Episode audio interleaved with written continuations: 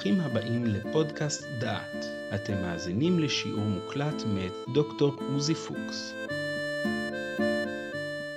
המשנה שלנו היא המשנה השנייה במסכת אבות, ואחרי שראינו אתמול את הפתיחה של המסכת, משה קיבל תורה מסיני ומסרה ליהושע ויהושע לזקנים ונביאים וזקנים לנביאים ונביאים מסרו לאנשי הכנסת הגדולה, ההמשך במשנה שלנו הוא שמעון הצדיק היה משרי כנסת הגדולה, כלומר אותם אנשי כנסת הגדולה שהסתיימו במשנה הקודמת, פותחים כאן באחרון שבהם או באחרונים שבהם, הצדיק היה משרי כנסת הגדולה. הוא היה אומר, על שלושה דברים העולם עומד, על התורה ועל העבודה ועל גמילות השדה. בתקופה הזאת שבין שיבת ציון לבין תקופת החשמונאים, המאות החמישית, רביעית, שלישית ושנייה לפטירה, הן תקופות שהן עלומות מאיתנו במידה רבה, ויש דיונים גדולים uh, בין ההיסטוריונים, מי הם היו בדיוק אותם אנשי כנסת הגדולה. כלומר, חז"ל מתארים לא פעם את אנשי כנסת הגדולה כאותם חכמים שהיו בזמנו של עזרא, נחמיה, הנביאים האחרונים, חגי, זכריה ומלאכי, וכאן מדובר על חכם שהוא לכאורה בתקופה הרבה יותר מאוחרת, ותכף נדבר משהו מעט על, על הזמן שלו.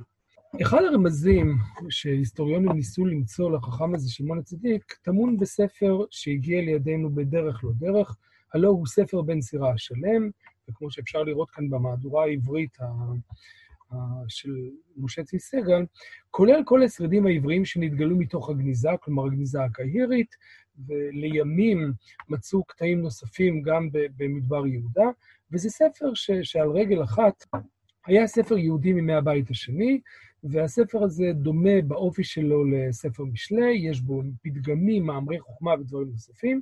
הספר הלך לאיבוד, והספר השתמר בידינו הרבה מאוד שנים רק בתרגומים שלו ליוונית או לשפות נוספות, ובסוף המאה ה-19, עם גילוי הגניזה הקהירית, ובאמצע המאה ה-20, עם גילוי הממצאים במדבר יהודה, נמצאו שרידים עבריים מתוך החיבור הזה, אחרי הרבה מאוד מאות שנים שלא, שהספר הזה לא הוכר, ומה שאותנו יעניין זה בעיקר החטיבה האחרונה בספר, שמקובל לכנות אותה שבח אבות עולם. תכף נקרא בפנים.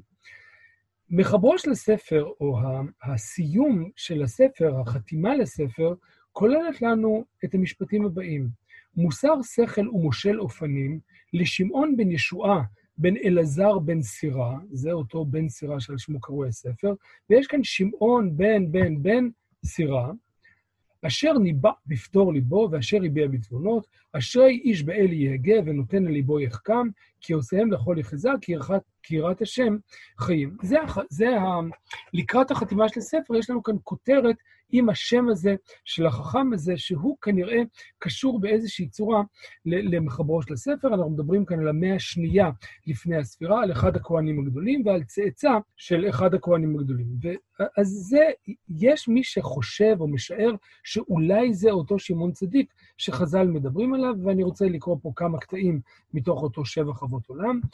החלק הזה מתחיל לנו בפרקים האחרונים של הספר, והוא הכותרת שלו היא שבע חוות עולם, ההללה נא אנשי חסד אבותינו בדורותם, וכולי וכולי וכולי, והוא מתאר כאן באריכות מבריאת העולם ועד שהוא עוצר בכמה תחנות, בין השאר כיאה לספר שנכתב על ידי כהן גדול, מוקדש עניין רב וגדול לאהרון, אהרון הכהן, כן, וירם קדוש את אהרון למטה לוי, וישימהו לחוק עולם, ויתן עליו הוד, וישרתהו בכבודו, וכולי וכולי וכולי, ומתאר כאן בגדי הכהן הגדול ואת מעשיו הגדולים והטובים.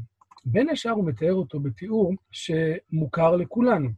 כן, גדול לך ותפארת עמו, שמעון בן יוחנן הכהן. זאת אומרת, מחבר הספר, שמעון בן ישועה, בן אלעזר, בן סירה, מדבר כנראה על אדם כמה דורות לפניו, על איזשהו שמעון בן יוחנן הכהן, אשר בדורו נפקד הבית, ובימיו חוזק היכל, יש ניסיונות לשער מתי קרה הדבר הזה, אשר בדורו נכרע מקווה, כלומר איזשהו מקווה מים גדול סביב הירושלים והמקדש, אשיח בם בהמונו, אשיח כנראה מלשון שוחה, והוא דאג גם לשיפוצים גדולים בבית המקדש, אשר בימיו נבנה קיר פינות מעון בהיכל מלך.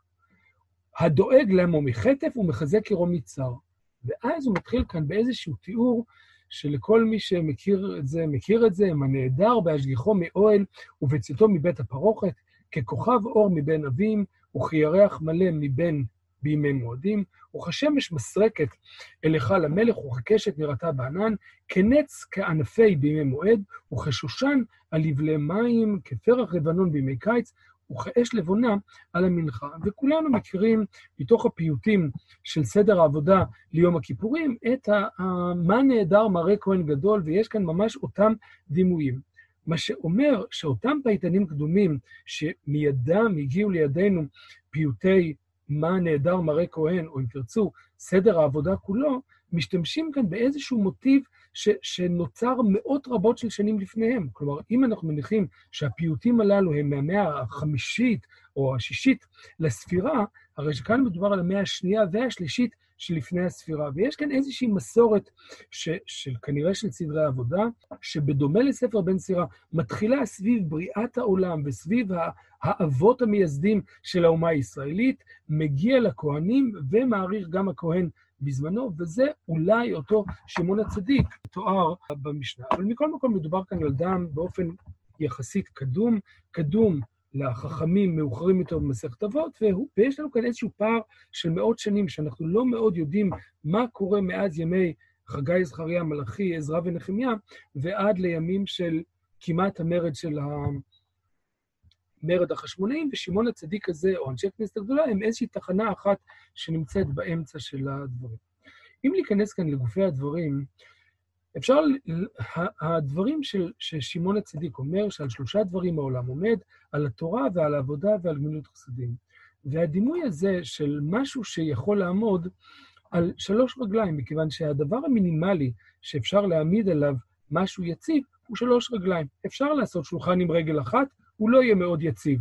אפשר לעשות עם שתי רגליים, שהרגליים מתרחבות, אבל זה לא יציב. שולחן עם שלוש רגליים מתחיל להיות יציב, וזה למעשה הדימוי ששמעון הצדיק משתמש בו כאן, והוא היה אומר, על שלושה דברים העולם עומד, על התורה, על העבודה ועל גמילות חסדים. ויש כאן, מעבר לקביעת סדרי עדיפויות לדברים חשובים ודברים יותר חשובים בעולם, הוא קובע על זה העולם עומד, וכמו שנראה במשנה בסוף הפרק, נראה משנה שמדברת על שלושה דברים שהעולם קיים או עומד, נדבר על זה כשנגיע לשם, אבל, אבל כאן הוא מדבר על שלושת הרגליים שמעמידים את העולם. ואם אנחנו יכולים לחשוב שהעולם עומד על דברים מסוימים, אז שמעון הצדיק קובע פה, העניין הערכי, העניין הדתי, הוא זה שמעמיד את העולם. התורה, העבודה וגמילות החסדים. וסביר להניח שהוא מדבר פה על עבודת המקדש, שלימים מומרת באיזו עבודה שבלב זו תפילה.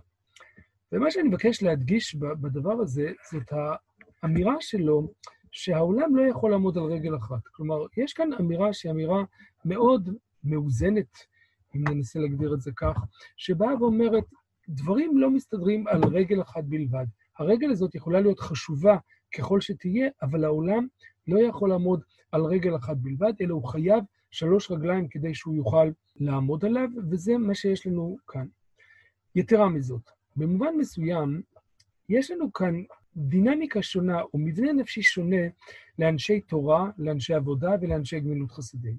אדם ש, שעניינו בתורה, עניינו בלימוד, לפעמים הוא יכול להיות אדם מופנם, אדם אולי מתבודד כדי ללמוד, או בחבורה קטנה כדי ללמוד. הוא לא מעוניין כאן באיזשהו עניין חברותי. החברים שלו, סביר להניח, הם בראש, בראש ובראשונה איזה שהם אנשי מעלה שלומדים תורה. זאת החברה שלו. והעניין שלו הוא הלימוד, הוא נמצא בשכל וכולי. אנשים שקשורים לעבודה, כהנים, יכולים להיות עסוקים בעניינים שקשורים ל... לה...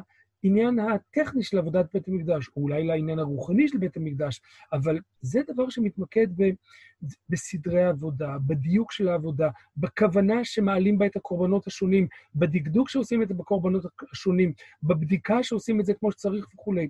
זו דינמיקה אחרת של מאשר אנשי תורה, זה סוג הזה של אנשי עבודה. ובוודאי שאנשי גמילות חסדים שונים משני האחרים. המוקד שלהם הוא באחר, הוא בהסתכלות על האדם האחר, ההסתכלות על הצרכים שלו. יכול להיות שהם, החברה שלהם, או האנשים שהם מסתובבים איתם, יהיו דווקא אנשים בסיכון, אנשים שלא מצליחים, החלקים המוחלשים של, של החברה, והם אלה שדואגים לדבר הזה. וכשמסתכלים על זה, ואני מניח שאנחנו יכולים לנסות לדמיין אנשים שהעניין שלהם הוא התורה, האינטלקט, הלימוד, הכתיבה, העיון וכולי. יש אנשים שהעניין שלהם הוא העבודה, יכול להיות שזה יהיה היום בבית הכנסת, הדיור בבית הכנסת, ההגעה בזמן לבית הכנסת, סדרי בית הכנסת, ואותו דבר אפשר לדמיין כשחושבים בבית המקדש.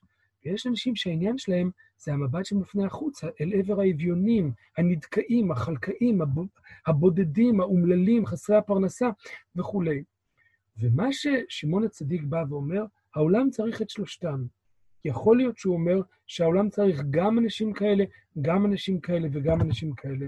ויכול להיות שהוא רומז לנו, אה, בדומה למאמר של חז"ל, זה שכל האומר, אין לי אלא תורה, אפילו תורה אין לו.